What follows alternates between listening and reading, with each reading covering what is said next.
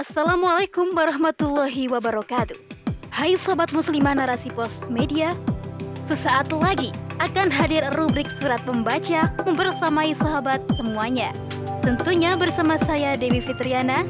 Surat pembaca kali ini berjudul Revisi UU PBB memuluskan UU Ciptaker yang berpihak pada korporasi oleh Wiji Lestari.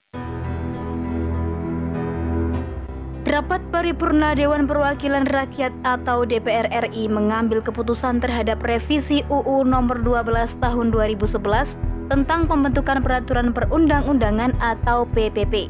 Revisi UU PPP ini dimaksudkan untuk memasukkan metode Omnibus Law sebagai tindak lanjut putusan Mahkamah Konstitusi atau MK terhadap UU Cipta Kerja. DPR mengambil keputusan menyetujui revisi UU PPP menjadi inisiatif DPR. Perubahan UU PPP mendapat dukungan dari delapan fraksi di DPR.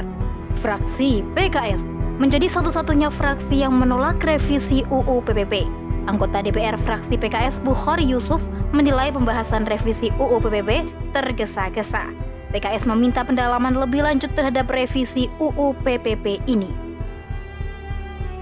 UU Cipta Kerja dalam pengesahannya menuai pro kontra beberapa waktu yang lalu. UU ini dinilai inkonstitusional bersyarat pada pembacaan putusan 25 November 2021 lalu.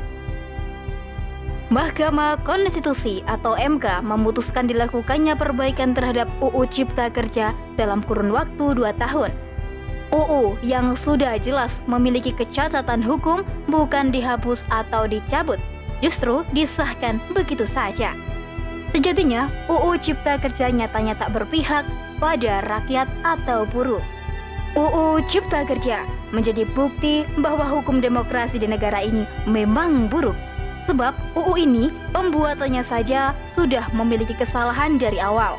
Seiring berjalannya waktu juga menimbulkan perdebatan yang terus memanas. Selain itu, UU ini lahir bukan untuk rakyat, namun para korporat. Selain itu, Didukung dan diperkuat pula dalam pembuatan hukum yang rusak dari tangan manusia dengan mengakarnya sistem sekuler yang menancap di negara ini. Sistem yang menjauhkan agama dari kehidupan menjadi pendukung utama lahirnya hukum buatan manusia. Sistem yang berasaskan manfaat semata menjadikan segala sesuatu berorientasi mencari keuntungan sebesar-besarnya. Bahkan sistem sekuler juga memberi celah bagi siapa pun untuk dapat mengotak-atik hukum sesuai kehendaknya.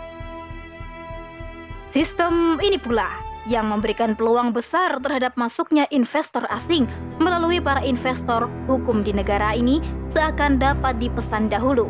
Berbagai jalan pintas pun mulai dipikirkan untuk mencapai apa yang akan direncanakan bersama. Maka tak heran jika lahirnya kebijakan yang ada sering condong kepada korporasi, mempermudah investor untuk menguasai negeri ini. Hasil produk hukum dari sistem ini bukan memberikan solusi tuntas melainkan memunculkan persoalan baru. Jauh berbeda dengan sistem yang berasal dari sang pencipta, yakni sistem Islam. Ya, khilafah yakni sebuah negara yang menerapkan seluruh aturan sang pencipta, yaitu aturan Islam di segala aspek kehidupan, menjadikan khalifah sebagai pemimpin umat manusia, sebagai pelindung dan periayah umat. Sebab seluruh kebijakan khalifah berorientasi kepada rakyat guna terciptanya kemaslahatan rakyat. Kebijakan penguasa yang lahir dari sistem Islam dibangun berlandaskan akidah Islam, yakni keimanan kepada Allah, Zat yang Maha Kuasa. Dalam hukum-hukum Islam bersifat pasti dan jauh dari kepentingan pihak mana pun. Posisi penguasa dalam Islam hanya sebagai pelaksana hukum dan penjaga hukum.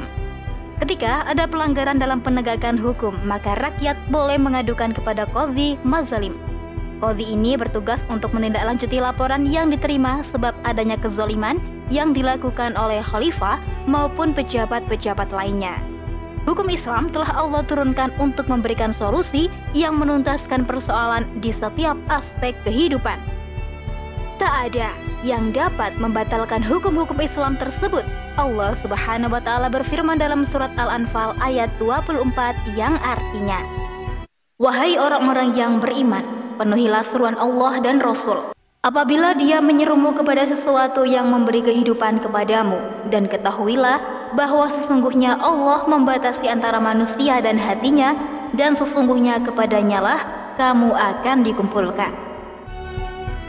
Wallahu a'lam bishawab. Demikian rubrik surat pembaca kali ini. Jangan lupa pantengin terus podcast-podcast Narasi Pos Media ya. Narasi Pos cerdas dalam literasi media, bijak menangkap peristiwa kunci. Saya, Dewi Fitriana, pamit undur diri. Wassalamualaikum warahmatullahi wabarakatuh.